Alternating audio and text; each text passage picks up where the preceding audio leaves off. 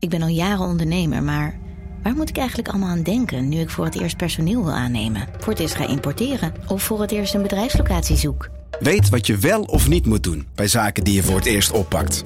Check kvk.nl voor praktische stappenplannen. KVK, hou vast voor ondernemers. Vanaf de redactie van NRC het verhaal van vandaag. Mijn naam is Thomas Rup.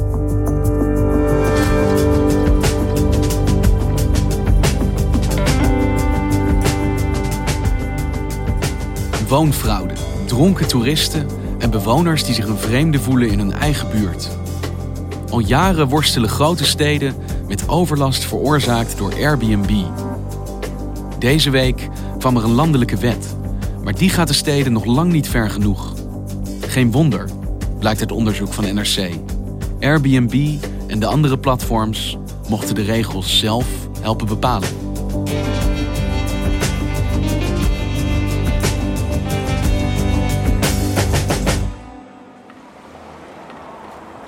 Airbnb begon ooit als een heel sympathiek initiatief. De gedachte was dat je als toerist, uh, je kan in een heel onpersoonlijk hotel, uh, daar, daar, kun je overnachten, maar je kan ook overnachten in een, uh, een appartement of een huis van iemand anders die daar echt een thuis van heeft gemaakt. En dan zit je ook echt tussen de locals in een hippe buurt. Wouter van Loon is datajournalist en maakte dit verhaal samen met Thijs Niemandsverdriet en Sam de Voogd. Airbnb uh, is opgericht in, uh, in 2008. En het kwam zo uh, rond 2011 kwam het naar, naar, Nederland. Toen kwam er een, een Nederlandstalige versie. en toen ontstonden er ook al best wel snel problemen. vastgoedhandelaren die zagen een kans. Hè, je kan aan toeristen veel meer geld verdienen dan aan iemand die gewoon in Amsterdam wil wonen. Dus die, die begonnen met illegale hotels. Die, die dus niet aan gemeentelijke regels voldeden, maar die je heel makkelijk op Airbnb kon aanbieden. Nou, dat, dat, levert natuurlijk gevaarlijke situaties op. Maar later kregen inwoners van Amsterdam kregen ook problemen mee. Omdat de toeristen die eerst in hotels zaten, die trokken eigenlijk de wijk in. Het ergste wat ons overkwam is dat we s ochtends vroeg naar ons werk gingen. En er lagen zeven Engelse jongeren in de gang te slapen omdat ze hun sleutel kwijt waren. Hadden tegen de muren gepist, daar stond bezopen. Er wordt gepoept in de portieken. Ik kan echt nooit één nacht gewoon doorslapen. Er stond het kotsen ook. Goed, als je een paar weken op vakantie bent, prima. Maar dat is hier in deze buurt echt al lang niet meer aan de orde. Wat er hier aan de orde is, is dat hele woningen permanent op Airbnb terug te vinden zijn. Dus dat sympathieke idee van uh, ja, kleur lokaal, je gaat wonen zoals, uh, zoals de mensen daar wonen, begon voor de bewoners eromheen in ieder geval een soort ander gezicht te laten zien. Exact, ja. Ja, dus het, het werd meer synoniem voor uh, rolkoffers en dronken Britse toeristen dan voor leuk leven als een local. En daarmee verloren sommige buurten ook hun eigen identiteit. Omdat mensen kennen elkaar niet meer. Uh, er wonen soms bijna net zoveel toeristen als, uh, als normale inwoners in de buurt. Ik sluit me gewoon op in mijn huis. Ik heb gewoon geen zin meer om buiten te gaan zitten. Het is, het is van de gekken. Kijk, je moet het zien. Het is net een Disney World geworden. Gewoon met al die toeristen en al die uh, klanten die hier nou rondlopen. Kijk, en dat binnen wij als oude Amsterdammers, omdat we het zo zeggen, ja, ook niet zo goed gewend. Kijk, je kan me mopperen. Dat hebben ze gezellig gehad. En... Dus het begon als een sympathiek idee. In 2011 begon het in Nederland. Met name aanvankelijk in Amsterdam. Maar er wordt dus duidelijk dat er ook problemen ontstaan. Ja, klopt. Ja, en het is dan voornamelijk in Amsterdam. Maar de andere grote steden in Nederland die zijn bang dat die Amsterdamse toestanden, zoals ze dat dan noemen, ook naar hun stad komen. Koen Richtering van de Universiteit Utrecht, die noemt dat het uh, tipping point. En daar heeft de gemeente Amsterdam, die heeft daar nu ook al een jaar of vijf, zes mee te maken. En dat is het moment waarop Airbnb meer overlast veroorzaakt dan dat het iets oplevert.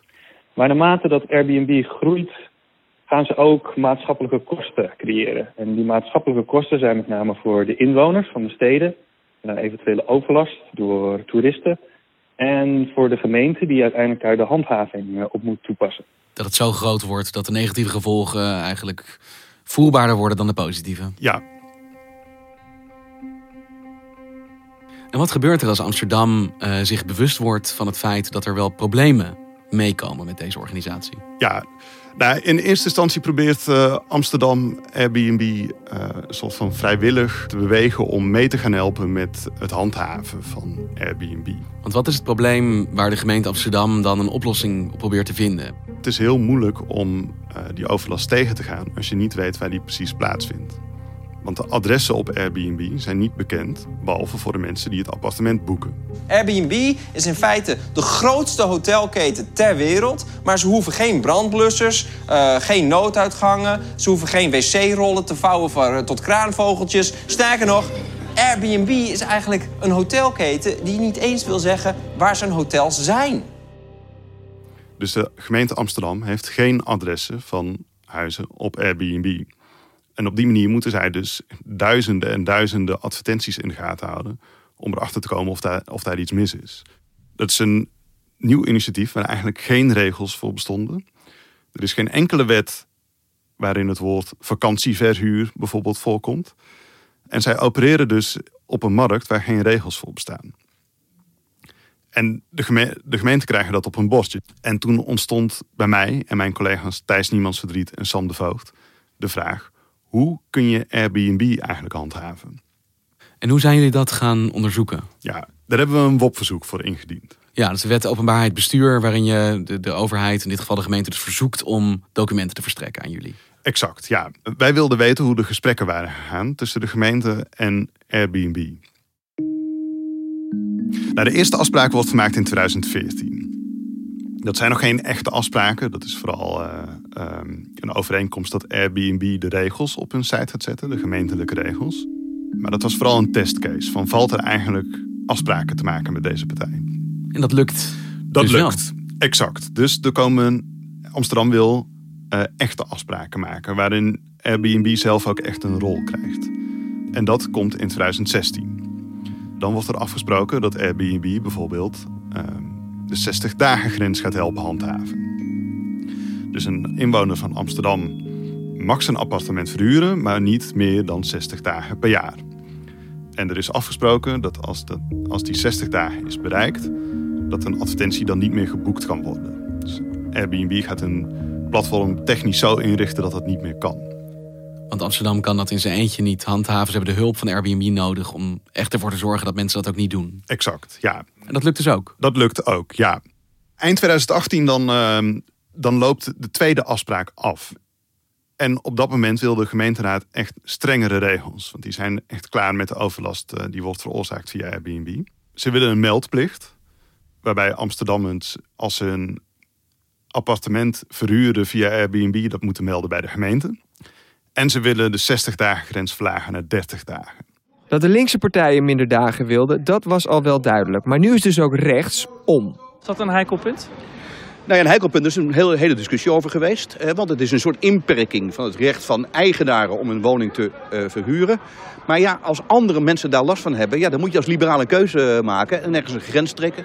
En die grens hebben wij nu getrokken in dit programma bij 30 dagen. De enige grote partij, op dit moment zelfs de grootste, waarvan het niet duidelijk was, laat er vandaag ook geen misverstand over bestaan. Het standpunt is helder. D66 wil graag nu de meldplicht er is naar 30 dagen. En als er een voorstel komt. En dat zijn allebei breekpunten voor Airbnb. En wat betekent dat? Dat Airbnb hier zegt dat willen wij niet? Nou, dat betekent vooral iets voor de nieuwe onderhandelingen die uh, uh, gevoerd moeten worden in 2018. Want de spanningen tussen de gemeente en Airbnb lopen dan echt flink op. Er wordt echt uh, ruzie gemaakt over die meldplicht en over die 30 dagen grens. Want de gemeente zegt dit willen we, Airbnb zegt dit willen we niet. Nou, dat is de definitie van een impasse. Exact. De allerlaatste bijeenkomst is in januari 2019. Er is dan een gesprek op de werkkamer van de verantwoordelijk wethouder Evans van Wonen. En daar schuiven niet alleen Airbnb aan, maar ook andere platforms. Dat is namelijk een voorwaarde die Airbnb heeft gesteld. We willen niet alleen afspraken maken met jullie, maar er moeten ook veel kleinere platforms bij betrokken worden. Dat gesprek dat is een tijdje bezig, rond 20 minuten. Als Evans een vraag stelt. Of zij de bereidheid hebben om overtredingen van het maximum aantal dagen wat in de huis... Willen jullie ons helpen om die 30 dagen, 30 dagen grens te handhaven? En daar geven die platforms eigenlijk niet echt antwoord op. Die komen met lange betogen, maar een antwoord op de vraag zit er niet in. En dan zegt Evans na een minuut of tien: jongens, eigenlijk is het antwoord gewoon nee. Toch? En de conclusie was, kijk, zij bleven maar constant, dat, dat doen ze in de media nu nog steeds, schermen met wij willen al allerlei andere afspraken maken. Ja. Maar ik heb gewoon heel duidelijk gezegd, voor mij is het belangrijk dat we in ieder geval over die dagen, en toen was ik al een paar keer opgeschoven, toen ik daar ook nog een, nee uit moest concluderen, was het voor, wilde zij nog steeds in gesprek over de rest. Van wat Ja. we doen over dat woord, noem maar op. Maar dan, ja, sorry, maar dan ben je als overheid in mijn ogen totaal onbetrouwbaar als je gaat zitten. Want de gemeente kan regels bedenken, maar op het moment dat die platforms niet helpen met handhaven, hebben die regels eigenlijk geen nut. Exact. Dus Amsterdam verliest eigenlijk dit gevecht. Dat is een spannende vraag. Ehm Evans zelf is er trots op dat hij niet gezwicht is voor Airbnb. Hij vindt het jammer dat er geen nieuwe afspraken zijn, maar hij heeft liever geen afspraken dan slechte afspraken. Maar er is nog één andere oplossing. En dat is namelijk Den Haag. Het moet met landelijke wetgeving opgelost worden. Nou, de steden, en met name Amsterdam, zijn al een tijdje in Den Haag aan het lobbyen. Die willen een landelijke wet. Die ehm, de platforms dwingt om adressen af te staan. Want heel simpel gezegd, ik heb ook wel eens een Airbnb geboekt. En dan zie je geloof ik een cirkel waar ongeveer dat huis staat. En dat kan de gemeente natuurlijk ook zien. Maar welk appartement, welk huis dat precies is, dat is voor de gemeente ook niet toegankelijk. Dat Nee. weten ze niet. Je weet alleen welk adres het is zodra je het appartement boekt. En Airbnb wil die adressen dus ook niet aan de gemeente geven. Dus dat proberen ze landelijk af te dwingen via een wet. Exact. En hoe gaat dat proces? Ja, nou, het ministerie besluit om inderdaad een wet te gaan maken die gemeenten meer instrumenten moet geven om te handhaven. En ze nodigen in eerste instantie eh, de vier grote gemeenten van Nederland uit. Dus Amsterdam, Rotterdam, Den Haag en Utrecht. Maar het ministerie van Binnenlandse Zaken nodigt ook de platforms uit. Dus ook Airbnb, Booking.com, Expedia en Wimdu, een een heel klein platform, zitten ook aan tafel. Moet ik me dat zo voor me zien? Is dat dan een kamertje daar waar iedereen bij elkaar komt en ze hopen dat ze eruit komen? Ja, nou, zo werkt het in Nederland. Hè. We hebben een poldermodel, dus we gaan alle betrokken partijen gaan we aan tafel vragen om eens aan te horen wat zij er eigenlijk van vinden. En dus wethouder Evans van Amsterdam die zegt, wij willen wel met die platforms praten, maar niet over regels. De regels maken wij. En wij praten alleen met Airbnb over hoe we die regels gaan handhaven. Bij het ministerie zaten die platforms aan tafel om mee te praten over de regels waar zij zelf aan moeten voldoen. En dat was echt tegen het zere be- been van die gemeenten. Dat moet namelijk altijd een belangenafweging zijn. Ik, ik bedoel, ik zit hier niet Ja. namens de, alleen maar namens inwoners van Amsterdam. Ik zit hier ook namens de Amsterdamse bedrijven. Ik zit hier ook namens de, dus de overheid is per definitie al een Ja. orgaan die een belangenafweging doet. Om dan te gaan zitten met een partij die een direct belang heeft, Ja. is een hele gekke verhouding. Want zij konden zo meedenken over de potentiële regulatie die hen zou beperken. Ja, en zij konden die dus ook beïnvloeden. Dus hoe verlopen die onderhandelingen dan? Want dit klinkt toch wel als een recept ook voor spanningen. Ja, we hebben ook een WOP-verzoek ingediend bij het ministerie van Binnenlandse Zaken. We kregen gespreksverslagen en eh, e-mailcontact tussen, tussen ambtenaren. En daarin zie je dus ook dat die platforms en de gemeente echt als gelijke gespre- gesprekspartner werden behandeld door het ministerie. Dus de stem van de platforms telde even zwaar als de stem van de gemeente. Zodra de platforms aan tafel komen, zeggen zij: we hebben te maken met privacywetgeving. Dus wij kunnen die adressen kunnen we niet zomaar. eh, we kunnen gemeenten niet zomaar die adressen laten inzien. Ehm, dus er komt dan een andere oplossing op tafel. En dat is het registratiesysteem. Door alle toeristenwoningen te registreren kan de online verhuur beter worden gecontroleerd. Eh, dan kunnen vervolgens de platforms met dat registratienummer werken. En dan wordt het dus veel makkelijker om illegaal aanbod te signaleren en daar ook iets aan te doen. Maar die platforms die weten elke verplichting uit het wetsvoorstel te slopen. En dus ook die verplichting. In het wetsvoorstel zoals het nu in de Tweede Kamer ligt, mogen die platforms nog steeds advertenties plaatsen waar geen registratienummer bij staat. En op die manier is het dus nog steeds mogelijk dat er woningen worden aangeboden waar het adres niet van bekend is bij de gemeente. En tot welke wet leiden die gesprekken nou uiteindelijk? Wat staat daar nou in? Uiteindelijk leidt dat tot een wetsvoorstel waar de platforms geen verplichtingen hebben. Maar er is één belangrijke verplichting die ze wel hebben, namelijk als de gemeente Amsterdam of een andere gemeente vraagt om adresgegevens van advertenties waar geen registratienummer op staat, dan moeten ze die geven. Is een enorme personele inzet zou dat uh, natuurlijk kosten. En de vraag is ook maar, hoe snel krijg je die, of krijg je die adresgegevens van Airbnb? Die wet die is nu pas afgerond, die echt klaar en is afgelopen maandag naar de Tweede Kamer gestuurd. Maar het is een wet waarvan de gemeente, als ik het zo mag opmaken uit jouw verhaal, zacht gezegd niet blij zullen zijn. Nee, die zijn, die zijn daar vrij boos over. De wethouder Evans zegt ook, wij hebben alle adresgegevens van de welwillende um, adverteerders al. Die krijgen we namelijk via de meldplicht die bij ons uh, uh, verplicht is. En we hadden juist gehoopt om via deze wet alle adresgegevens te krijgen. Als een platform niet eens gaat handhaven dat ze een nummer niet meer gaan melden en, nee. en er ook geen enkele prikkel in hebben, dan kan er gewoon ontstaan dat het normaal wordt, ja, is leuk, ik heb een registratienummer, maar ik meld het niet op het platform. Nee, dan, wat heb ik dan? Dan heb ja. ik voor mijn handhaving niet wat ik beoogd had. Nee, wat ik beoogd hey, en ben je erachter gekomen waarom Airbnb zich zo verzet tegen dit soort handhaving? Waarom steeds dit gevecht leveren en niet beginnen met het delen van wat informatie met gemeenten en overheden? Zij willen uiteindelijk hun klanten beschermen. Die gaan op vakantie.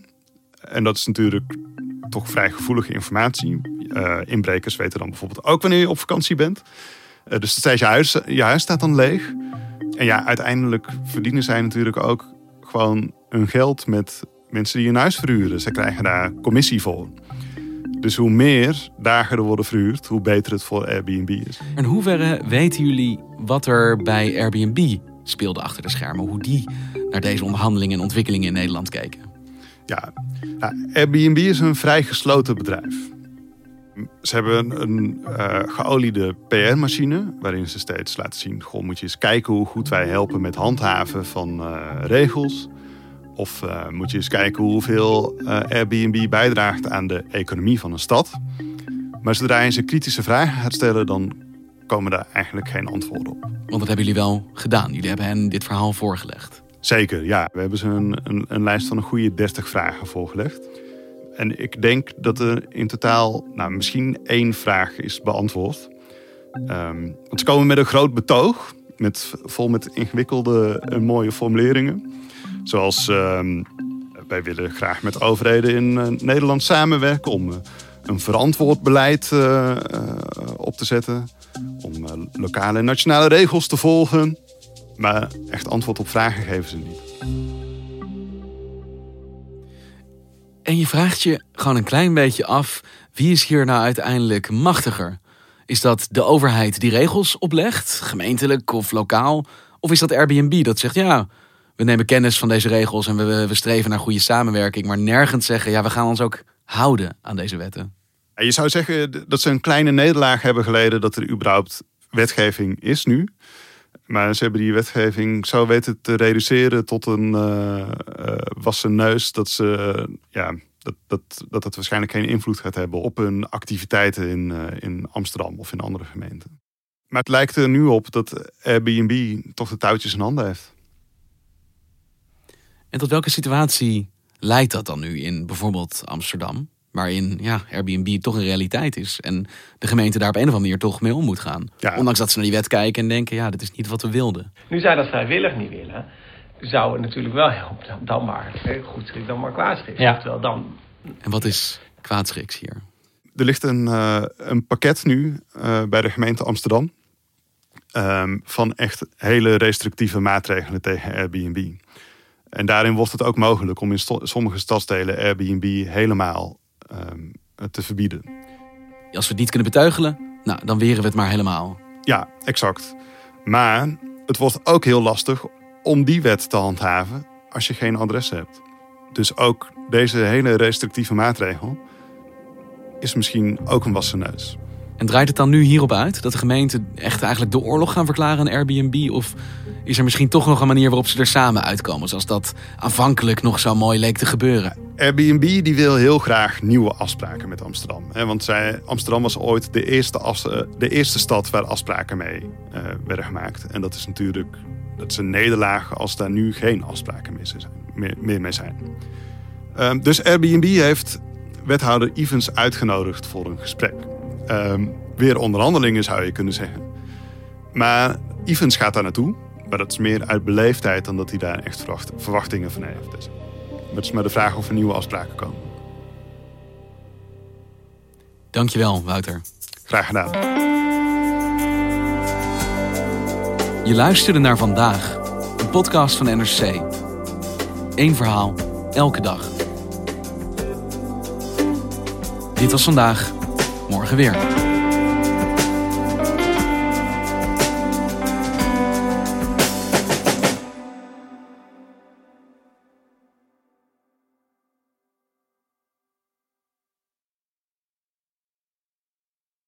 Technologie lijkt tegenwoordig het antwoord op iedere uitdaging. Bij PwC zien we dit anders. Als we de potentie van technologie willen benutten, kunnen we niet zonder een menselijk perspectief. Human-led, tech-powered noemen we dat. Ga naar pwc.nl.